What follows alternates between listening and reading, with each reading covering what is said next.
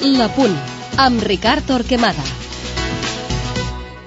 L'Espanyol necessita sumar punts a l'últim partit del 2008 per continuar fora de la zona de descens. Demà rep l'Atlètic de Madrid, el quart equip més golejador d'Europa, després del Barça, el Hoffenheim i el Bayern de Munic.